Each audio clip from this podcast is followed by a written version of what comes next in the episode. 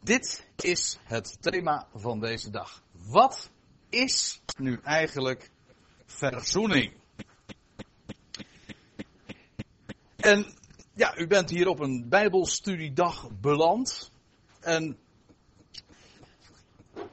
velen van u die zijn al heel lang gelovig, kennen het woord. En de vraag is eigenlijk uh, toch wel opmerkelijk dat, of het punt is eigenlijk opmerkelijk dat een heleboel mensen toch geen antwoord weten, ondanks het feit dat we het over een heel centraal thema hebben. Men zegt wel eens een keer verzoening, en ik denk dat dat terecht is. Verzoening is het hart van het evangelie. Maar er blijkt weinig begrip over dat onderwerp te zijn. Want wat bedoelen we eigenlijk met verzoening?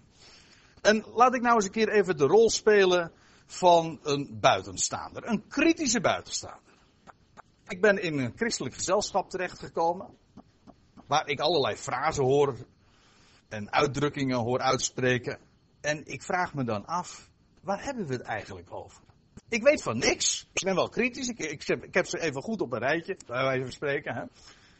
En dan vraag ik een aantal, dan stel ik een aantal vragen. Naar aanleiding van, van dingen die ik hoor. Zo in het, in het, in de christelijke wandelgangen zal ik maar zeggen. En dan hoor ik iemand zeggen, Jezus stierf voor onze zonde. denk ik, hoezo? Wat is het verband tussen Jezus sterven en onze zonde?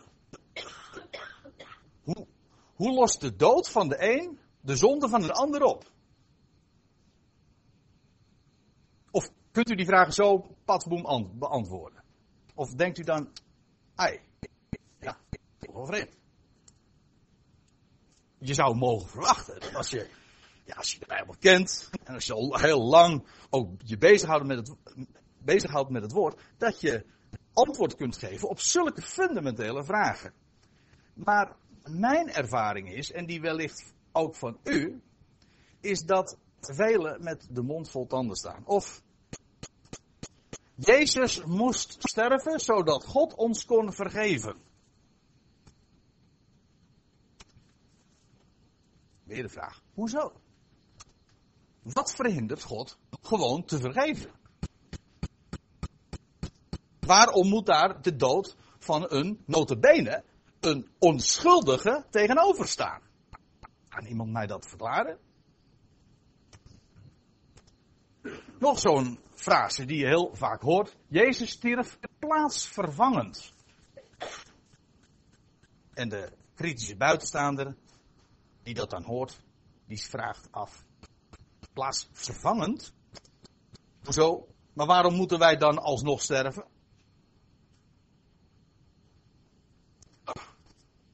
Jezus betaalde onze zondeschuld, horen we. Goedemorgen Jan Harm. We zijn alvast begonnen. Neem plaats. Jezus betaalde onze zondeschuld, hoor je zeggen.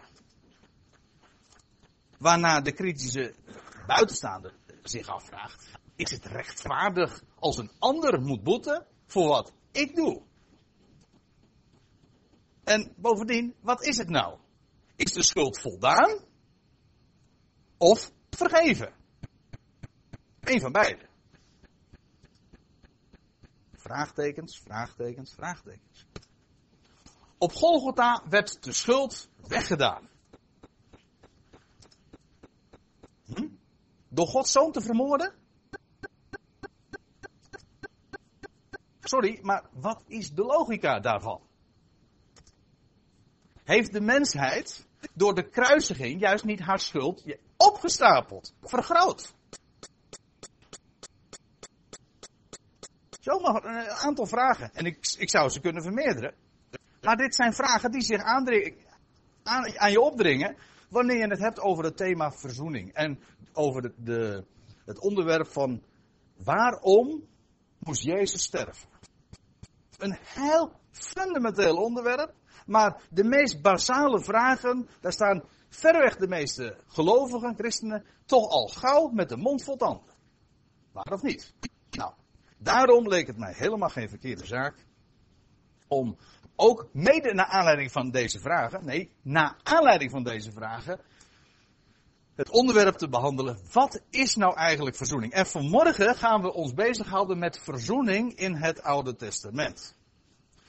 Daar kunnen we heel gauw mee klaar zijn, want het onderwerp van verzoening komt eigenlijk helemaal niet voor in het Oude Testament.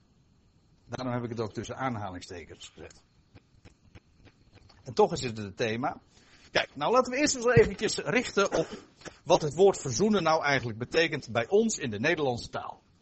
Ik heb het in het, de Vandalen opgezocht en dan staat er, als de kortste definitie, verzoenen, dat is volgens de Vandalen, partijen weer tot vrede of vriendschap brengen. Conciliëren is het deftige woord. Oftewel herenigen, iemand de hand reiken. Reconciliëren. Degenen die Engels kennen, die herkennen de woorden conciliation en reconciliation hierin. Dat is volgens Vandalen, volgens de normale, de gangbare Nederlandse taal, de betekenis van het woord verzoenen. Het is een heel oud woord trouwens al hoor, verzoenen, ook in, het Nederlands, want je komt het ook tegen in de geschiedenisboekjes. Kwam de term tegen de zoen van Delft. Ja, je hebt het woord zoenen komt gewoon van verzoenen. Dat wist u misschien niet. En verzoenen heeft niks te maken met zoenen op afstand of zo. Nee. De zoen van Delft, dat is uh, een. Dat slaat op wat er 3 juli 1428 heeft plaatsgevonden. Want toen werd er een voorlopig einde gemaakt aan de Hoekse en Kabeljauwse twist. U zou mij trouwens met de mond vol tanden kunnen doen laten staan als u mij zou vragen, wat waren die twisten eigenlijk? Want dan weet ik dat. Ik heb daar een goed uh, excuus voor. Het was namelijk net even voor mijn tijd. Maar ik inderdaad, ik weet het niet goed. Maar ik weet wel dat de Zoon van Delft, dat was, uh, die maakte een voorlopig einde tussen deze twisten. De Zoon van Delft was een vredesverdrag. Zie je dus ook weer die betekenis van verzoening uh, er doorheen komen. De verzoen van Delft was een vredesverdrag tussen Jacoba van Beieren en de hertog Philips van Bourgondië. Verzoenen dus volgens de betekenis zoals die in het Vandalen ook gevonden wordt. Die betekenis komen we ook tegen in de Bijbel. Bijvoorbeeld in 1 Korinthe 7, en dan heb ik het helemaal niet over een, in een godsdienstige context, maar gewoon ook over uh, over een context zoals we dat ook in het alledaagse leven tegenkomen. 1 Korinthe 7 gaat over huwelijk en over echtscheiding en over hertrouwen, etc. Maar dan staat er in vers 10, doch hun die getrouwd zijn, schrijft Paulus dan, beveel ik niet, maar de Heer, dat een vrouw haar man niet verlaten. Is dit toch gebeurd, laat ze dan ongehuwd blijven of zich met haar man verzoenen. En een man zou zijn vrouw niet verstoten. Dus zolang daar uh, nog sprake is, um, of zolang daar de mogelijkheid is om je te verzoenen, zegt Paulus, wel, dan zou de man of vrouw ongehuwd moeten blijven. Ik ga uiteraard helemaal niet over deze kwestie zelf in. Want 1 Korinthe 7 is niet het onderwerp. Het gaat maar eventjes om dat woord verzoenen in de betekenis zoals wij dat ook kennen. Een man en een vrouw die zijn uit elkaar gegroeid of er is verwijdering, vervreemding. Hoeft niet per se vijandschap te zijn, maar in ieder geval vervreemding. En dan kan het zijn dat er weer sprake is van verzoening. De twee komen weer tot elkaar. Tot één. Dat is wel heel leuk, want in het Engels, er is een Engels woord. Een van de Engelse woorden voor verzoening is atonement. En ik heb dus ooit eens een uitleg van dat woord gehoord. Daar hebben we Peter Meijer. Goedemorgen Peter. Hartelijk welkom. Neem plaats. Ja, Peter komt helemaal uit Suriname, dus ja, die heeft een. Sommige mensen komen uit, uit de kop van Noord-Holland, anderen uit Apeldoorn. Maar dan praten we dus over. Oh ja, ik had het over het woordje atonement. Want atonement, dat is. Als je dat ontleedt in zijn elementen, dan betekent dat letterlijk tot één worden. At one. Dat is heel leuk. De twee worden één. Maar hier vinden we dus verzoening in de betekenis zoals we dat ook kennen in het alledaagse spraakgebruik. Het eigenlijke woord voor verzoenen Dat is in het Grieks woordje katalasso. U zal dat vandaag nog wel vaker horen. Dat komen we uitsluitend bij Paulus tegen. En dit gaan we pas bespreken in de tweede samenkomst. Dus vanmorgen gaan we het, gaan we het helemaal nog niet eens over het onderwerp van de verzoening hebben. En toch ook weer wel, want verreweg de meeste keren dat verzoenen, en dat is ongeveer 150 keer in de, onze Bijbels voorkomt, is het de vertaling van het Hebreeuwse woord kafar. Of of kifer, dat, dat zijn allemaal verschillende vervoegingen van dat woord. Maar dit is het woord kafar. Als het in het Grieks gebruikt wordt, dan heet dat hilasmos. Kom daar later op terug. Want die twee die verhouden zich als één op één tot elkaar. Kafar en hilasmos. Maar zo komen we in het Oude Testament heel vaak het woord verzoenen tegen. En als we in het Oude Testament, in onze Bijbels, of het nou de MBG of de Statenvertaling is, als we verzoening tegenkomen, dan is dat de weergave van dit Hebreeuwse woord, kafar. Maar, punt is, kafar betekent helemaal geen verzoenen. Maar het betekent bedekken, beschutten. Ik heb er nog even bij gezegd, vergelijk het Engelse woordje to cover. Dat is wel heel makkelijk te onthouden. Kafar is to cover. En wat dat woord betekent, dat woord kafar, nou ja, ik zei, het betekent bedekken, beschutten. En daarmee zeg ik helemaal niks nieuws, want u kunt het in alle encyclopedies, lexicons of woordenboeken tegenkomen. Kafar, het Hebreeuwse woord, dat betekent gewoon dat. Bedekken. In de zin ook van beschutten. Is volstrekt onomstreden. En we vinden het ook de eerste, de beste keer dat het woord kafar in de Bijbel voorkomt. Ligt de betekenis meteen voor het oprapen. Daarom heb ik al bijgezet, de key hangs at the door. Zodra we als het ware het onderwerp binnentreden, dan hebben we meteen de sleutel in handen. We kunnen, dan weten we meteen waar het over gaat. Dat ze noemen dat wel de wet van de eerste vermelding. En of dat een wet is, weet ik niet. Maar het is vaak wel heel frappant in de Bijbel. Dat de eerste keer dat je een bepaald woord tegenkomt. dan vind je in zijn essentie al de betekenis daarin weergegeven. De eerste keer dat het woord in kafar voorkomt in de Bijbel, dat is in Genesis 6. In verband met de geschiedenis van de ark en de geschiedenis van Noach. En daar staat er in vers 14 van dat hoofdstuk, ik lees voor uit de Statenvertaling. Maak u een ark, dat wordt tegen Noach gezegd, van goverhout. Met kameren zult gij deze ark maken. En gij zult die bepekken met van binnen en van buiten met pek. Hier komt voor het eerst dat woordje kafar voor. En wordt vertaald dus met bepekken of en met pek. Eh, de NBG-vertaling wordt het vertaald met bestrijken. Maar de, de, de, gedachte is dat de ark bedekt zou worden met een beschermlaag. Hè, waardoor de ark beschut zou zijn om de wateren van de zondvloed, die de hele aarde zouden omspannen, uh, om de, om zodat de ark beschut zou zijn tegen de, tegen de wateren, tegen de doodswateren. De ark trouwens een prachtig type. Ik kan het niet nalaten om het meteen al eventjes te zeggen. De ark is een type van de Heer Jezus Christus, waarin de mens veilig is, beschut is, om inderdaad de dood te doorstaan. Hier vind je in feite al in de essentie van wat ik later op de dag nog uh, veel uitgebreider naar voren zal brengen. Maar dat is wat dus kafar is.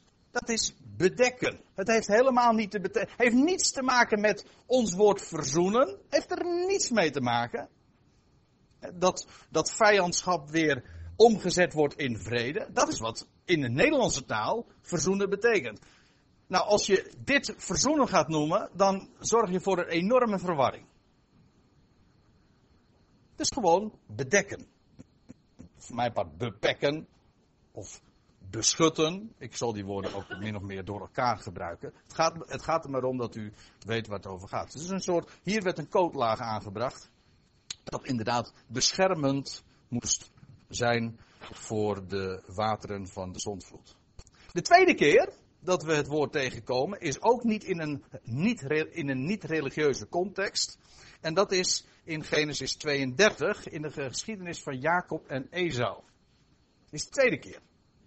Voor de rest komt het in Genesis niet meer voor. En komen we het alleen nog maar tegen. Heel vaak in Leviticus en Exodus en de andere boeken van Mozes met name, maar niet alleen daar.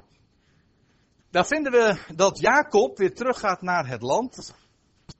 Nadat hij twintig jaar bij zijn oom Laban is geweest. En dan moet hij zijn broer Esau ontmoeten. Moet hij hem onder ogen komen. En dan staat er in vers 20. Want hij, dat is Jacob. Oh, ik heb een spelfoutje gemaakt. Want hij, Jacob, zeide. Ik zal zijn, dat wil zeggen Esau's aangezicht, verzoenen. Staat er dan in de Statenvertaling. In zekere zin is dat concordant. Maar goed, de essentie is, ik zal Esau's aangezicht bedekken met dit geschenk. Kijk, Jacob kwam naar, ging Esau tegemoet en hij liet een geschenk brengen naar Esau. En dat was om Esau's aangezicht uh, te bedekken. Zodat, daar, zodat hij zo doen, zou doen. Dat is het. Dat is de gedachte. Ook hier vinden we dus de betekenis van bedekken. Heeft niets te maken dus met dat verzoenen zoals wij daarover uh, spreken in de Nederlandse taal. Nou, en dan is het vervolgens zo dat het woord zo vaak weer voorkomt in de offerdienst. En daar wil ik dan vervolgens eens goed de aandacht voor vragen. Een hele centrale tekst daarin is Leviticus 17. Daar staat in vers 11. Want de ziel van het vlees is in het bloed. En zegt God dan, ik heb het u op het altaar gegeven tot kafar, dat wil zeggen tot beschutting, tot bedekking over uw zielen. Wat God hier zegt, ik heb het u gegeven. Let wel, hij zegt niet ik eis het van jullie, ik heb het u gegeven. Het is een gave van God aan de mens. Denk er even goed over na. Hij zegt, ik heb het u op het altaar gegeven. Tot kafar, dat wil zeggen tot een beschutting. Wat dan? Nou, dat bloed. En een altaar, dat is niks anders dan een verhoging. Dat kan van allerlei materiaal zijn, in principe van stenen. En ik heb daar een uh, tekst even voor u voor uitgezocht in Exodus 20.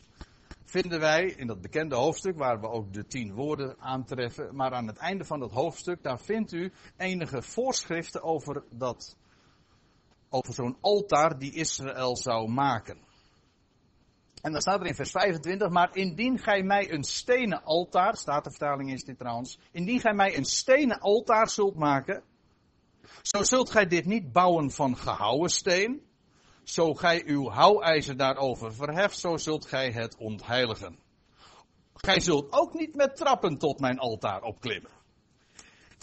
de hele gedachte is, menselijke makelij werd niet getolereerd in verband met het altaar.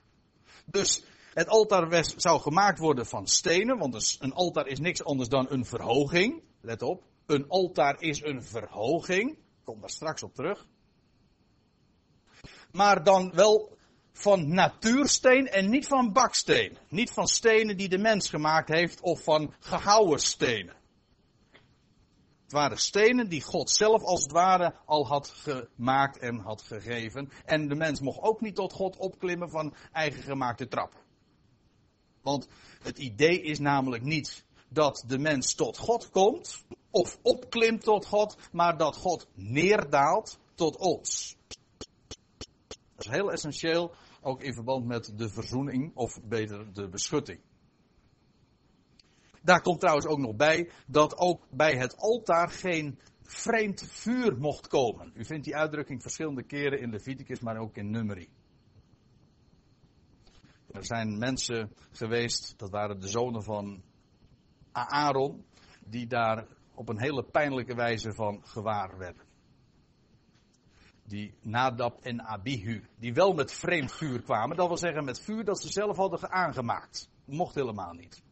Hoe het precies in zijn werk ging, dat is nog een vraag apart. Daar wil ik nu even verder niet over uitweiden. Maar ik denk dat het zo is dat de, het altaar, het vuur van het altaar, door God zelf werd aangestoken. We vinden daar in ieder geval verschillende voorbeelden van. En dat vuur, dat werd behouden. Ik zeg niet dat iedere keer het vuur door God werd, uh, door, door God werd aangemaakt. Ik, ik, zeg alleen, dat vuur werd bewaard. Als een soort van Olympische vlam, zeg maar.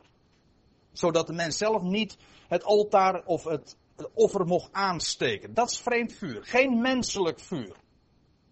Dat is in ieder geval uh, van, van belang. Dus geen gehouden stenen, geen trappen die de mens zich zou maken, ook geen vreemd vuur. Op het altaar is God aan het werk. En het gaat ook alleen maar om Hem. Wat het punt is bij die beschutting van kafar. God zegt, ik heb het bloed jullie gegeven op het altaar en dat zal jullie beschutten. Eerst vond daar plaats een slachting van een dier. Van een onschuldig dier. Uiteraard van een dier spreken we sowieso niet al uh, van schuld. Maar ook een volmaakt dier. Hè? Dat is heel. Ook dat is, dat is essentieel in de offerdienst. We zien altijd het, de, het voorschrift dat als daar een dier werd uitgekozen, dan moest dat een volmaakt dier zijn. Zonder dat het. Uh, hoe wordt dat genoemd eh, in verband met. Uh, zonder gebreken. Ik, dat is het woord wat ik zocht. Het mocht een, uh, geen dier zijn met gebreken, precies. Het moest een volmaakt dier zijn. Bovendien in de kracht van zijn leven, vaak staat er dan nog bij een eenjarig lam of een eenjarige bok. Maar in ieder geval een krachtig, vitaal, gebrekkeloos offerdier. En dat moest geslacht worden. Feitelijk is dat onrecht. Een misdaad. Het moest gebeuren, maar het is een misdaad. Om een dier dat volkomen gezond is, geen gebrek heeft, om dat zomaar te slachten. Dat was ook nog niet de beschutting. Dat was niet de kafar. Hou hem even in gedachten. Kijk, dit is een tekst die ik nu laat zien, Hebreeën 9, vers 22, die heel vaak wordt genoemd in verband met de verzoening. Terecht, of de beschutting. De Hebreeënbrief gaat trouwens helemaal over dat onderwerp. Want de Hebreeënbrief handelt over de betekenis van de offerdienst en van de priesterdienst en de tabernakel en al die voorschriften die God had gegeven aan Israël in de Mosaïsche wet. En dat alles, dat was een, zo staat er in Hebreeën 10, een schaduw van wat komen zou. Inderdaad, de wet is duister, een schaduw. En toch werpt het zijn contouren al vooruit naar wat zou komen.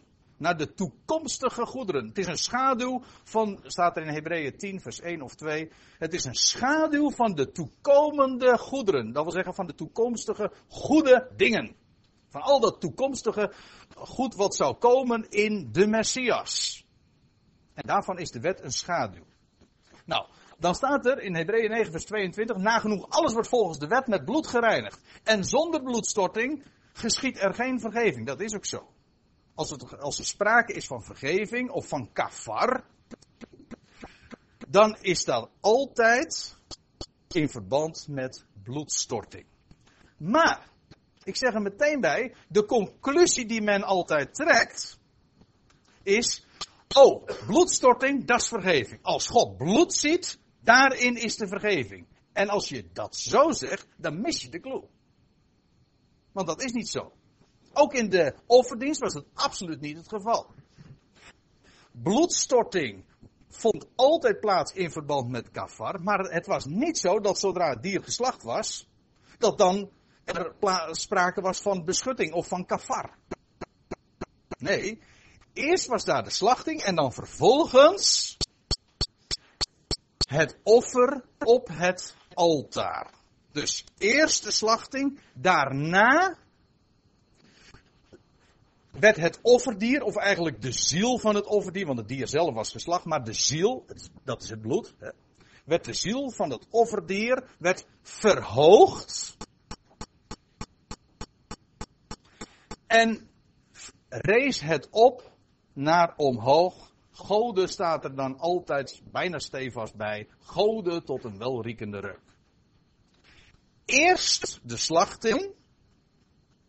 Daarna werd het dier op het altaar gelegd, op een verhoging. En daar was, vond de kafar plaats. De beschutting. Dus niet de slachting. Nee, dat ging eraan vooraf. De kafar, dat was wanneer het op de verhoging. Ik zeg het nog een keer, omdat het zo uh, belangrijk is. En u zult vandaag nog vaker horen. De kafar vond plaats op het altaar. Na de slachting. De slachting op Golgotha, en laat ik dan meteen van de, de offers naar het offer gaan, met een hoofdletter. De slachting op Golgotha was geen liefelijke reuk voor God. Ik weet, ja, en ik, had het van tevoren eigenlijk ook eventjes moeten vragen. Dat had wel een leuke steekproef geweest. Maar ik denk dat de meeste mensen hier uh, de uitdrukking wel kennen van het offer van Golgotha. En hoezeer die ook in christelijk jargon is ingeburgerd, ik geloof dat het niet waar is. En je mist daardoor ook de betekenis, de, de verklaring van hoe God spreekt over de beschutting, over kafar. Je begrijpt er dan ook niks meer van. De liefelijke reuk van, uh, pardon, de slachting op Golgotha was geen liefelijke reuk voor God. Ik zeg, ik schrijf erbij, integendeel.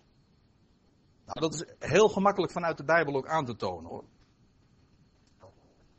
In Hebreeën 13, weer dat, die brief waarin Paulus, of van ieder, nou het was de anonieme schrijver, een anonieme schrijver, maar ik vermoed dat het Paulus is geweest. Doet niet de zaken. De schrijver van de Hebreeënbrief, die zegt, ter verklaring van de gebeurtenissen en de ter verklaring van de voorschriften die God had gegeven met betrekking tot de Yom Kippur, want daar gaat het met name over in de Hebreeënbrief. De Yom Kippur heb je het weer, kafar, Kippur en kafar is hetzelfde. De dag van de beschutting, of eigenlijk was daar het in het meervoud, Yom Kippurim is het, hè? Dag van de beschuttingen. Ja, ik geef toe dat je je vocabulaire een beetje moet gaan aanpassen, want wij spreken altijd over de grote verzoendag, maar het is dus eigenlijk de dag van de beschuttingen. Dag van de bedekkingen. Goed, Hebreeën 13 vers 11. Want van de dieren waarvan het bloed als zondoffer door de hoge priester in het heiligdom werd gebracht, werd het lichaam buiten de legerplaats verbrand. En staat er dan in vers 12. Daarom heeft ook Jezus ten einde zijn volk door zijn eigen bloed te heiligen buiten de poort geleden. Het was niet zonder betekenis dat, dat Jezus geslacht werd buiten de stadsmuren van Jeruzalem. Want dat was ook een vervulling van wat er in het Oude Testament in de Tenach al was voorgeschreven. Dat, dat stondoffer, dat moest geslacht worden. Is twee haakjes. Stondoffer, in het Hebreeuws, dat is, dat is het gata of gatat, ik weet even niet meer exact, maar het is in ieder geval hetzelfde woord als het woord zonde. Wij in onze vertalingen maken er verschil tussen, tussen zondoffer en zonde. Maar soms is dat trouwens voor de vertalers al erg lastig. En Menno er, uh, zou dat kunnen toelichten. Soms is het erg lastig. Waar, waar moet je weergeven zondoffer of, of zonde? Want in de Hebreeuwse grondtekst blijkt dat namelijk niet. Het is namelijk exact hetzelfde woord. Een zondoffer is gewoon namelijk zonde. En vandaar ook afschuwelijk. En daarom moest het ook buiten de poort verbrand worden. Daar was niets liefelijks aan. Integendeel. In Gelaten 3, daar lezen we, vers 13. Christus heeft ons vrijgekocht. Vrijgekocht betaald. Het staat niet dat hij de schuld betaald heeft. Ik, wijs er, ik kom er later op de dag nog op terug trouwens. Er staat niet de schuld betaald. De Bijbel spreekt wel over betaling in verband met Golgotha. Maar niet over het betalen van schuld, maar over het betalen van de losprijs. Iets anders. Goed, hij heeft vrijgekocht van de vloek der wet staat er door voor ons een vloek te worden, want er staat geschreven, vervloekt is een ieder die aan het hout hangt. Dat vindt u terug in Deuteronomium, wat zal het zijn, 20 geloof ik. Golgotha was een vloek. Vandaar ook dat de Heer Jezus daar buiten de poort dus gekruisigd werd. Hij was daar gemaakt tot zonde. Dat vindt u terug in 2 Korinthe 5. Ook daar gaan we het trouwens vandaag nog over hebben. Hij werd daar gemaakt tot zonde. Hij was daar een vloek. Geen liefelijke reuk. God verborg daar zijn aangezicht. Het werd duister. Hij werd daar niet alleen van de mensen verlaten, maar ook van God verlaten. Dat was geen offerande, was geen liefelijke reuk. Het was zonde, hij werd daar een vloek. God heeft de mens, God heeft hem daar ook overgegeven aan de, aan de handen van mensen. God heeft niet ingegrepen. Het was een daad van mensen, maar God heeft niet ingegrepen. God heeft zijn zoon overgegeven, staat er in dat verband. Maar het gaat me nu even om, die slachting, Golgotha, was geen offer. Dat zal ik vandaag nog wel vaker zeggen. Golgotha was niet het offer. Golgotha was afschuwelijk. Golgotha was zonde. Was geen liefelijke reuk voor God. Het was een vloek. Omdat hij daar aan het hout hing. De liefelijke reuk kwam drie dagen later. Nadat hij gestorven was. En in het graf was gelegd. Toen werd hij vervolgens verhoogd. De liefelijke reuk, ik lees even voor. De liefelijke reuk, de beschutting, kafar, is gelegen in de verhoging van het offerlam. Na de slachting. En dan begrijp je ook ineens waar het over gaat. Golgotha was geen liefelijke reuk, maar waarin is de beschutting gelegen? Wel, in hem die de dood overwon. Die verrees uit het graf. Die verhoogd werd. Nadat hij zich tot het uiterste vernederd heeft. Daarom staat er in Filippenzen 2. Heeft God hem ook uitermate verhoogd. Op het altaar. Ging hij als het ware. Steeg hij omhoog. Dat is het offer. Dat is voor God de liefelijke reuk. Daarin is de vergeving. Daarin is gelegen dat God het oude vergeet. En er is iets nieuws gekomen. Staat in, ook in 2 Korinthe 5. Zie het, het oude is voorbij gegaan, het nieuwe is gekomen. Aan, het wat, aan, aan hetgeen geweest is, daar wordt niet meer aan gedacht. Daarin is de vergeving. En welk onrecht er ook gebeurd is, deze liefelijke reuk overstijgt letterlijk en figuurlijk alles. Dat is een liefelijke reuk. Het nieuwe leven. Want dat is de garantie van een nieuwe schepping. En dan begrijpen we ook waarom we beschut zijn in Hem die verhoogd werd. Want dat betekent namelijk dat de dood is overwonnen. Zodat er niets is wat ons, uh, waarin we niet veilig zouden zijn. Het is net als met die ark. Hè? Die ark die beschut was, hè? met die peklaag.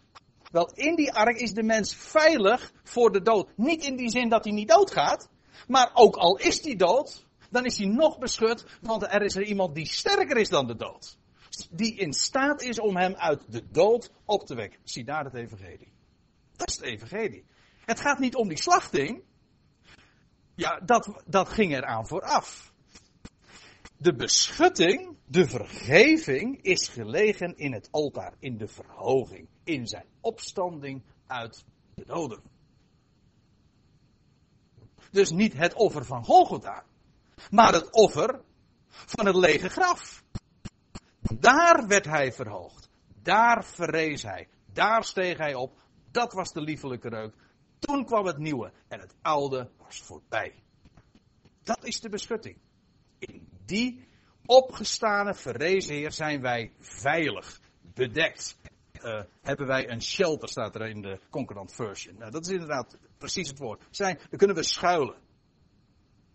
Er is niets wat ons daar kan treffen. Want er is er iemand die sterker is dan de dood.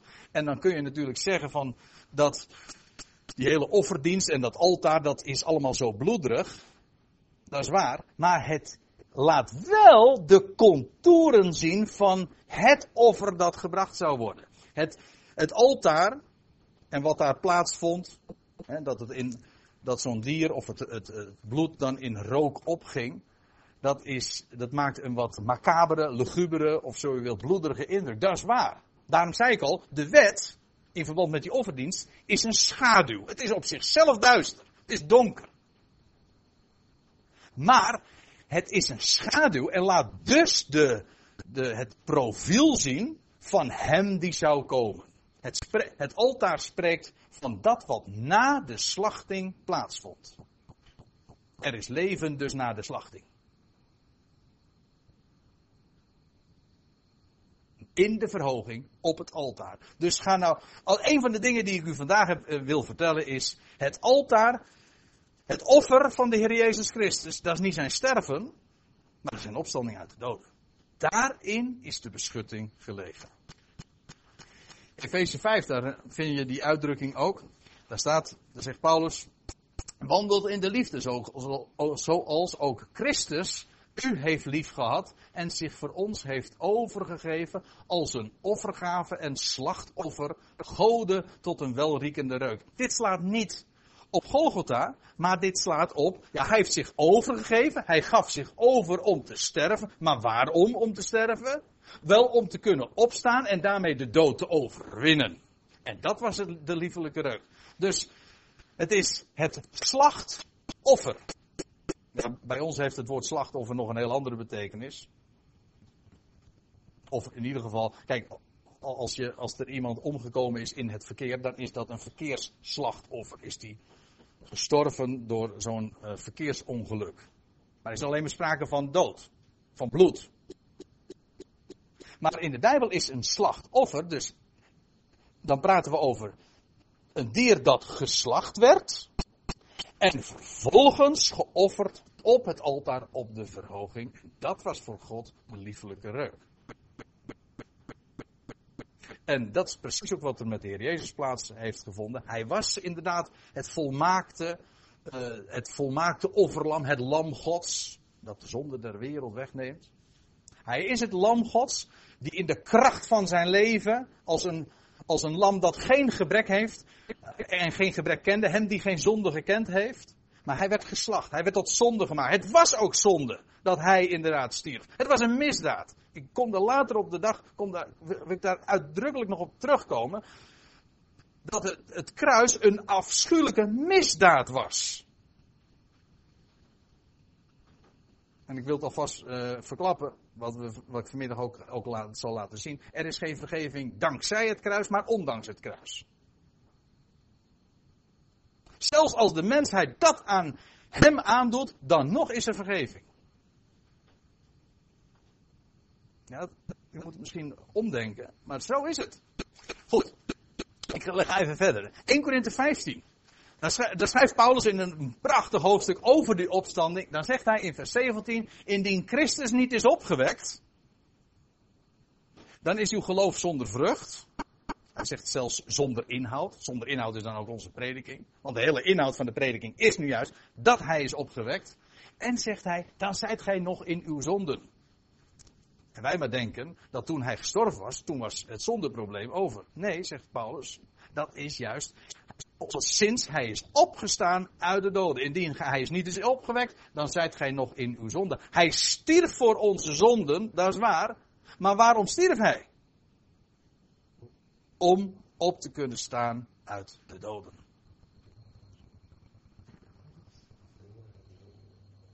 Ja. Goed, dan komen we nu op kafar in het Nieuwe Testament. Dat is een beetje vreemd geformuleerd, want kafar is een Hebreeuws woord. En het Nieuwe Testament is geschreven in het Grieks. Dus het is logisch dat dat woord moet worden omgezet in een Grieks woord. En dat komen we ook tegen. De eerste keer, is wel heel duidelijk. Dan komen we het tegen in Romeinen 3. Zeg ik het helemaal correct? Nee, is niet de eerste keer trouwens. Maar het gaat me eventjes om dat, om, uh, dat het woord kafar, of een vervoeging daarvan, inderdaad ook weer terugkomt in het Nieuwe Testament. En dat is bijvoorbeeld in Romeinen 3, dan zien we dat heel duidelijk. Daar, ga, daar gaat het over de Heer Jezus, hem, Christus. Heeft God voorgesteld, als, in de MBG-vertaling staat dan, als een zoenmiddel. Letterlijk een beschutting. Door het geloof in zijn bloed. In het Grieks staat hier het woordje hilasterion. In het Hebreeuws is dat woordje kaf, uh, kaforet. En dat kap, kaforet of kaporet, dat uh, is het woord, uh, het verzoendeksel. Dat op de ark van het verbond stond. De verzoendeksel met die gerubs daarbovenop. Het verzoendeksel. In het Hebreeuws is dat het woordje kaporet. Maar in de Griekse vertaling van het Oude Testament. Sorry dat ik misschien nu wat, wat ingewikkeld ga worden. Maar dat valt wel mee hoor. In de Griekse vertaling van het Oude Testament. De zogenaamde Septuagint. Wordt dat woordje kaporet. Of kaforet. Wordt weergegeven met hilasterion. Zodat je meteen ook daarmee de link hebt tussen de Hebreeuwse taal en de Griekse taal. Dan zie je ook dus dat het woordje, dat Hebreeuwse woordje kafar in het Grieks aangeduid wordt dan in dit geval met hilasterion of met vervoegingen daarvan weer. In de,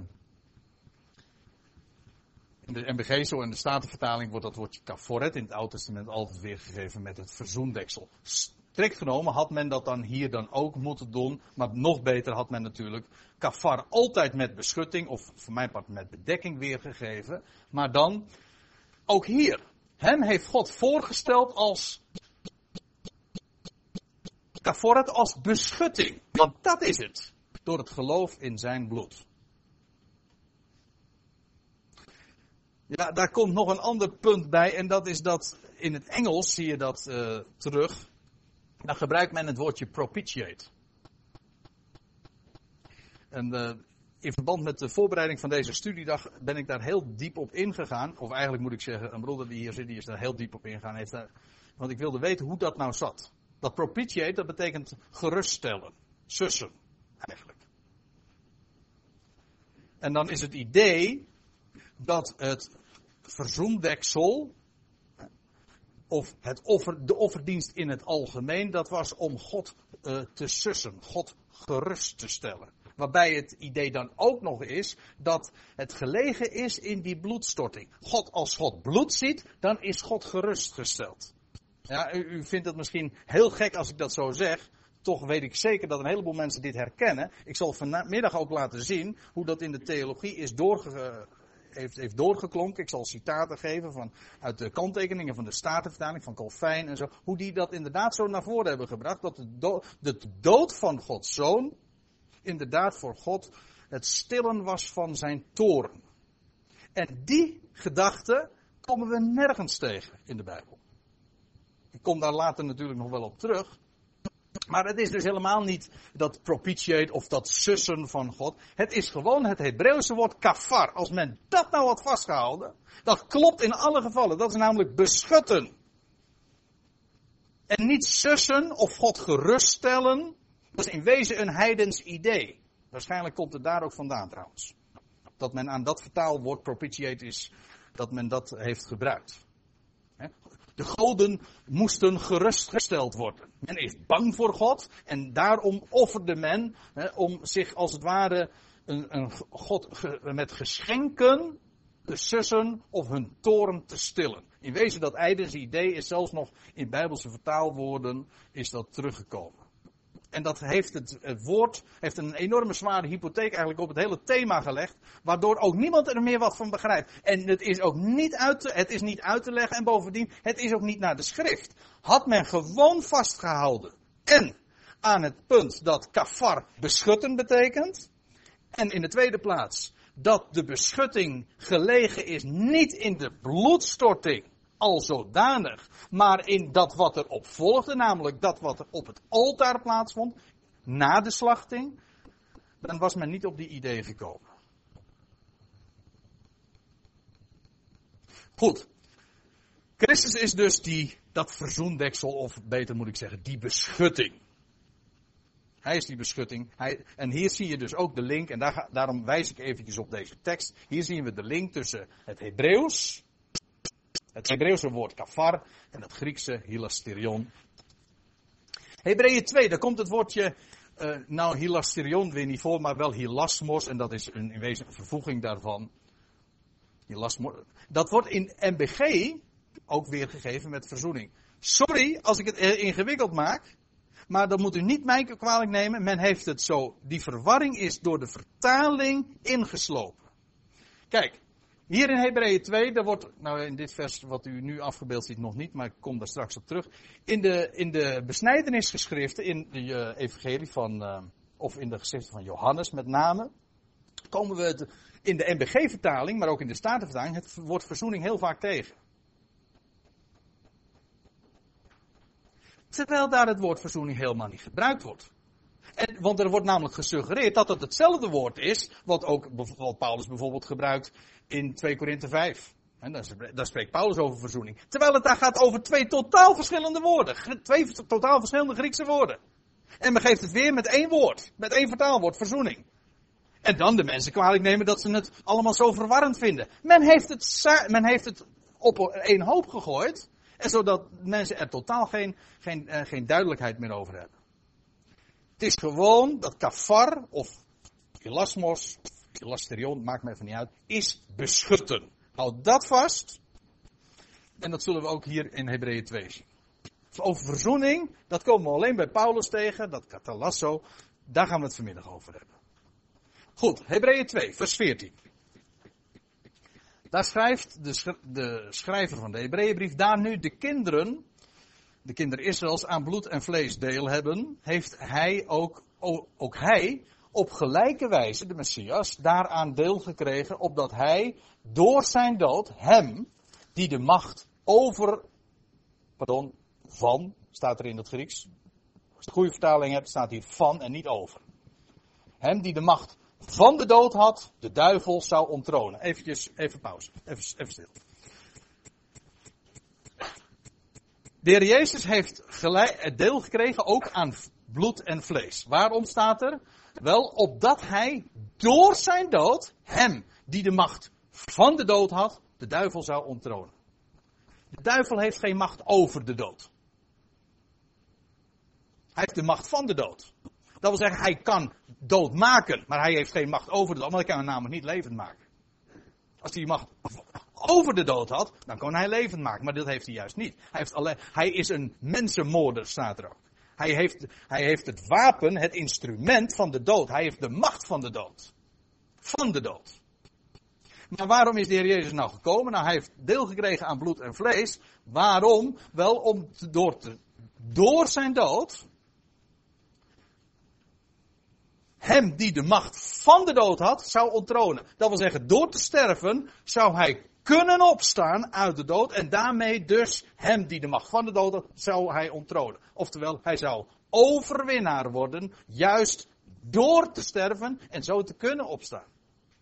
Ziet u hoe dat hier ook naar voren gebracht wordt? Hij stierf waarom? Om te kunnen opstaan en zo hem die de macht van de dood had te onttronen.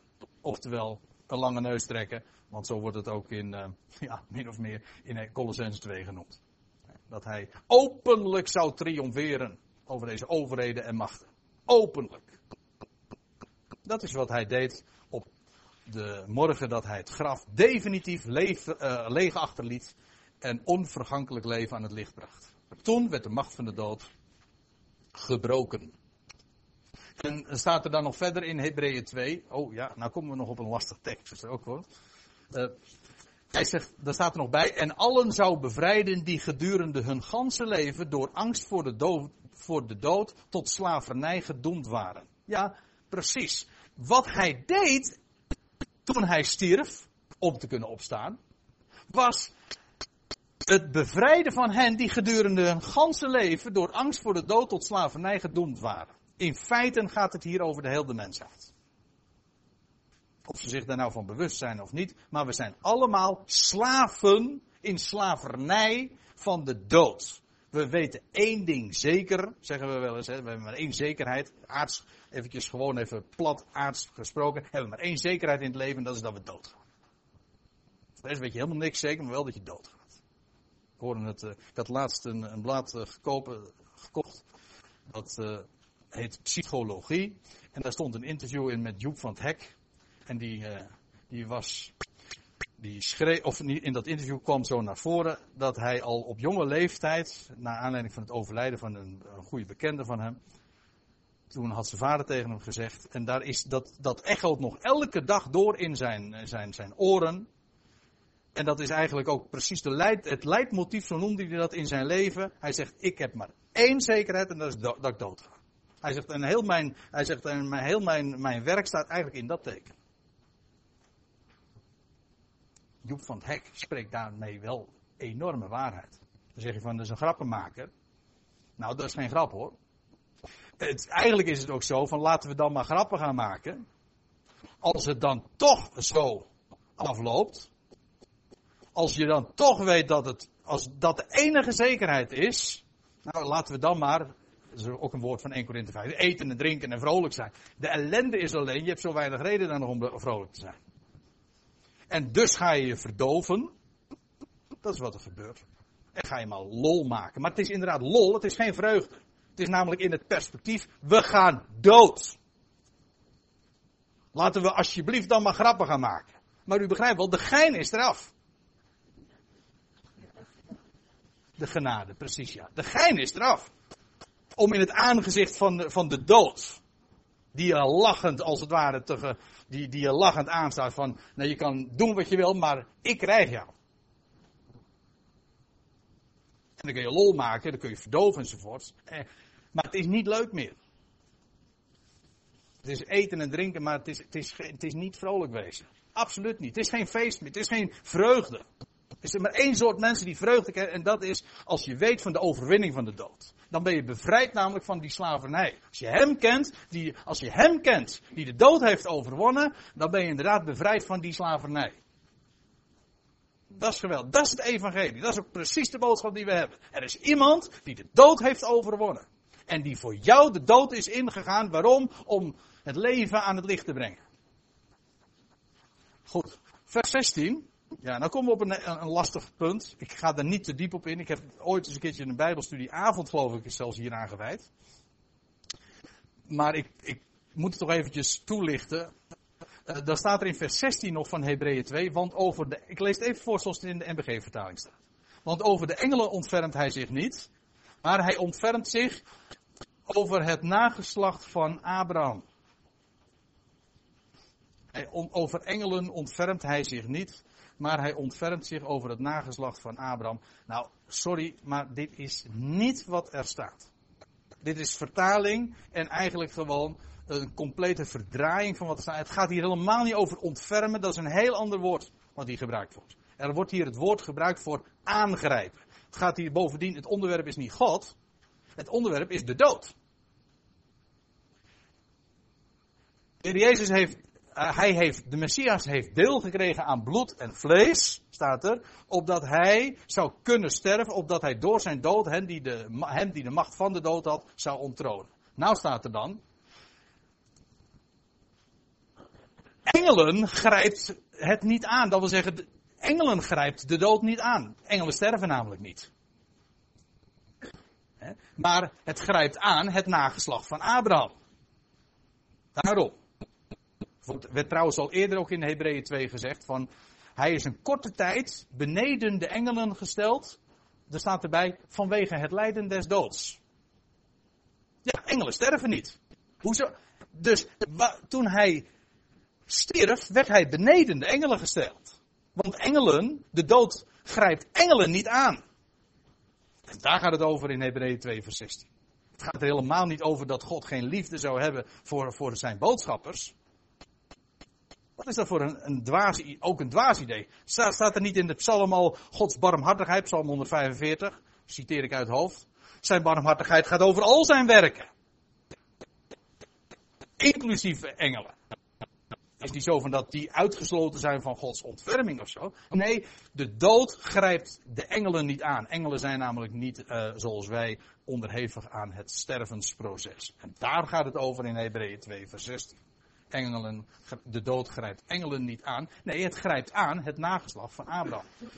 Als je het niet erg vindt, eh, Peter, ik, eh, voordat jij er was, voordat jij binnenkwam, had ik gevraagd om niet te interruperen. Dan maak ik eventjes mijn presentatie af. Maar straks, bewaar hem. Dan kunnen we het misschien, als we straks nog wat tijd hebben, wellicht uh, alsnog op je vraag ingaan. Of op je opmerking, aanmerking, kan ook nog. Goed, ik lees even door in Hebreeën 2. Oh ja. En nou komen we toch weer terug op dat woordje beschutting. Dat kafar of hilasmos.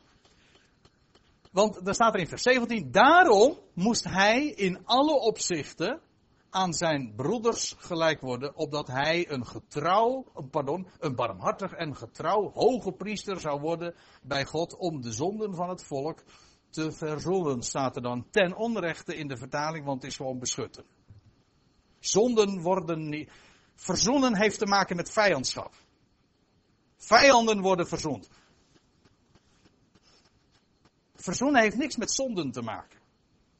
Dat vindt u schokkend misschien, maar inmiddels begrijpt u wat ik nu zeg. Kafar. Een mens heeft beschutting nodig. Daar waar zonden zijn, moeten die bedekt worden. En beschut worden. En heeft een mens zelf ook beschutting nodig, dat is waar. En dat is precies wat de Heer Jezus is. Hij, is, hij zou een getrouw hoge priester zijn bij God om de zonden van het volk te beschutten. Het gaat hier speciaal, en is dit geadresseerd uiteraard aan de Hebreeën. Het is de Hebreeënbrief. Waarbij ik trouwens ook moet zeggen dat de Heer Jezus juist door zijn opstanding uit de dood inderdaad in staat is om te beschutten. Nee, sterker, hij is een beschutting, juist door zijn opstanding uit de dood. En sindsdien is hij trouwens ook hoge priester. De Heer Jezus was hier op aarde geen hoge priester. Ook niet toen hij stierf was hij ook geen hoge priester.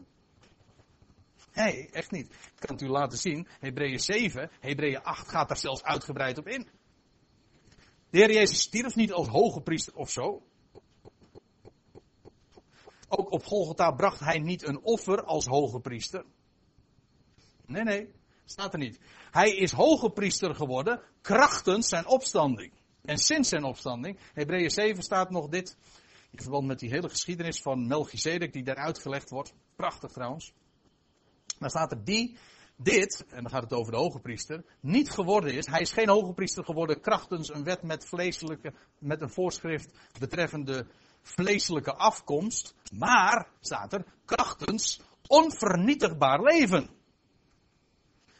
Het, hele idee is gewoon, de Heer Jezus was geen hoge priester op grond van zijn afkomst, integendeel, want hij zegt, uh, er staat er in Hebreeën 7 dan ook nog bij, het is immers duidelijk dat onze Heer niet gesproten is uit de stam van Levi, maar uit de stam van Juda. Op grond waarvan hij trouwens rechten op de troon zou hebben. Maar in ieder geval, hij kwam niet uit de stam van Levi. Hij is wel hoge priester, maar niet via de Levitische orde, wordt in Hebreeën dan uitgelegd, maar via een heel veel hogere orde. Een orde die er al veel eerder was, en namelijk via de orde van Melchizedek. Precies, dat is het onderwerp van Hebreeën 7. Maar, het gaat er nu even om, hij is dat geworden sinds en op grond van zijn opstanding uit de doden, of zoals hier staat, krachtens onvernietigbaar leven. Uiteraard slaat dit niet op zijn sterven. Want dat is nu juist het tegendeel. Toen hij stierf, toen werd zijn leven vernietigd.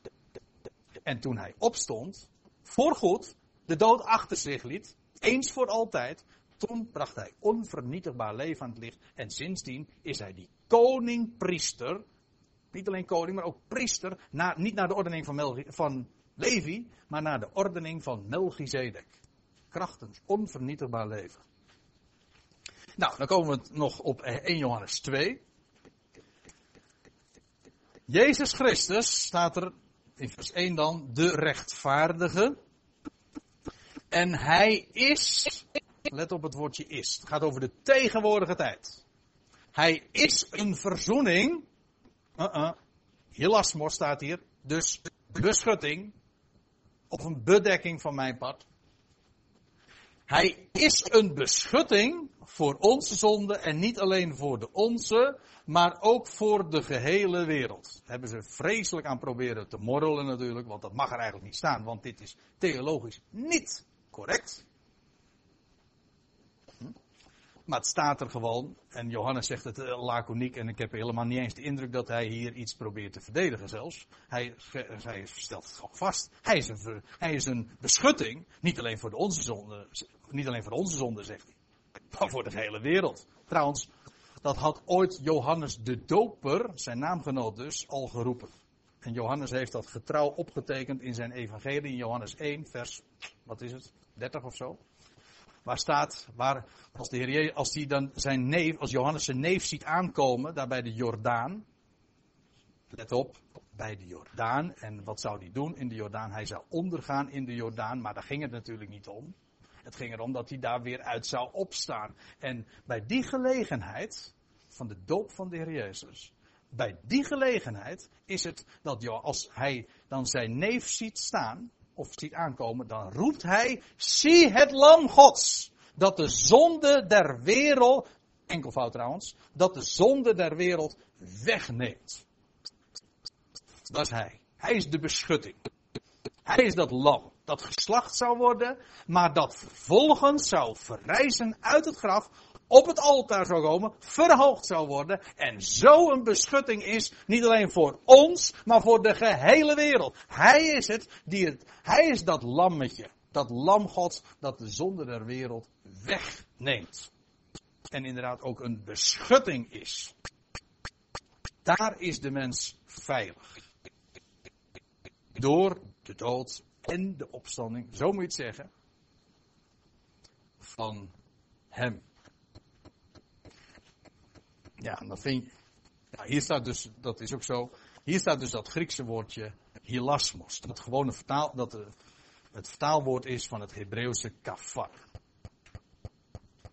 Heb, nu hebben we het dus vandaag, vanmorgen nog eigenlijk helemaal niet gehad. Nou ja, ik heb, ik heb een paar hints gegeven. Maar we hebben het dus nog helemaal niet over verzoening gehad. Nee, we hebben het nog helemaal niet over, nauwelijks over verzoening gehad. Ik heb alleen maar gezegd dat, dat ik het nog niet over verzoening zou gaan hebben eh, vanmorgen. Dat uh, waar we het over hebben, is over de offerdienst en over dat wat op het altaar plaatsvond, namelijk kafar, beschutting, bedekking. Dat is geen verzoening. Daar gaan we het vanavond, uh, niet vanavond, vanmiddag over hebben. Dus eigenlijk komt nog. Hè? Openbaring 5. Ik geloof dat dat de laatste dia is. En daar zijn we trouwens keurig op tijd. Sterker, daar zijn we ver voor tijd. Maar dat geeft niet. Daar staat in openbaring 5. In dat visioen dat Johannes dan ziet. En een van de oudsten zei, en die zeide tot mij, nadat Johannes zo zwaar gedesillusioneerd is, als hij dat hele tafereel eh, waarneemt, dat niemand in staat is om dat boek dan, de, dat, die boekrol te openen. En dan staat er, dat een van die oudsten tegen hem zegt, ween niet. Zie, de leeuw uit de stam van Juda. Leeuw is de koning, hè? De, de koning onder de dieren. Hij is de leeuw uit de stam van Juda. Ja, juist omdat hij uit de stam van Juda was, was hij dus ook niet geschikt om hier hoge priester te zijn naar de ordening van Levi. Goed. Zie de leeuw uit de stam van Juda, de wortel Davids. Hij heeft overwonnen om de boekrol en haar zeven zegels te openen. Het hele verhaal in verband met de toekomst, wat er nog gaat gebeuren, dat zal alles gerealiseerd worden door hem, de leeuw uit de stam van Juda. Hij heeft overwonnen. En dan staat er in vers 6, en, want daarom verwijs ik naar deze schriftplaats. En ik zag in het midden van de troon en van de vier levende wezens en te midden van de oudste een lammetje, want dat is wat er letterlijk staat.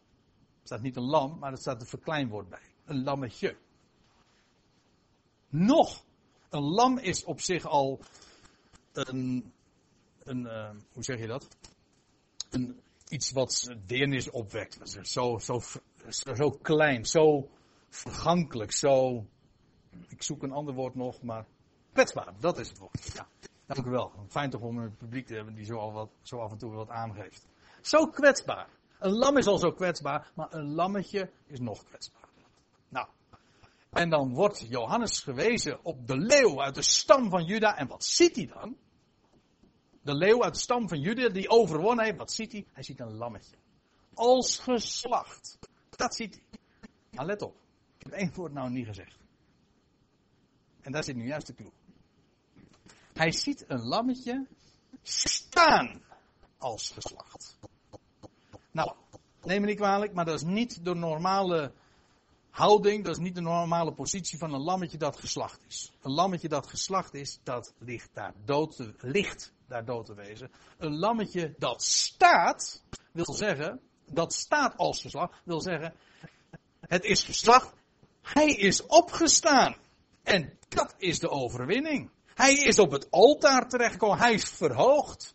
Dat is de overwinning. Dat is de liefelijke reuk. En dat lammetje, daarin is de beschutting gelegen. De kafar. Daarin is de mens veilig. En niet alleen de mens individueel, maar zelfs de hele wereld. In deze overwinning, in het feit dat hij die geslacht werd, als een afschuwelijk onrecht. Ik, ik, ik benadruk het nu nog een keertje. En vanmiddag ga ik dat nog eens uiteenzetten. En wat de betekenis daarvan ook is. De, wat er gebeurde op Golgotha was afschuwelijk en een onrecht. Geen liefelijke reuk voor God. Integendeel. Het was de afschuwelijkste misdaad die de mens ooit heeft kunnen begaan. En ondanks die misdaad, ondanks het kruis, vergeeft God. Biedt hij een beschutting aan. Namelijk in hem die na zijn slachting opstond uit de doden.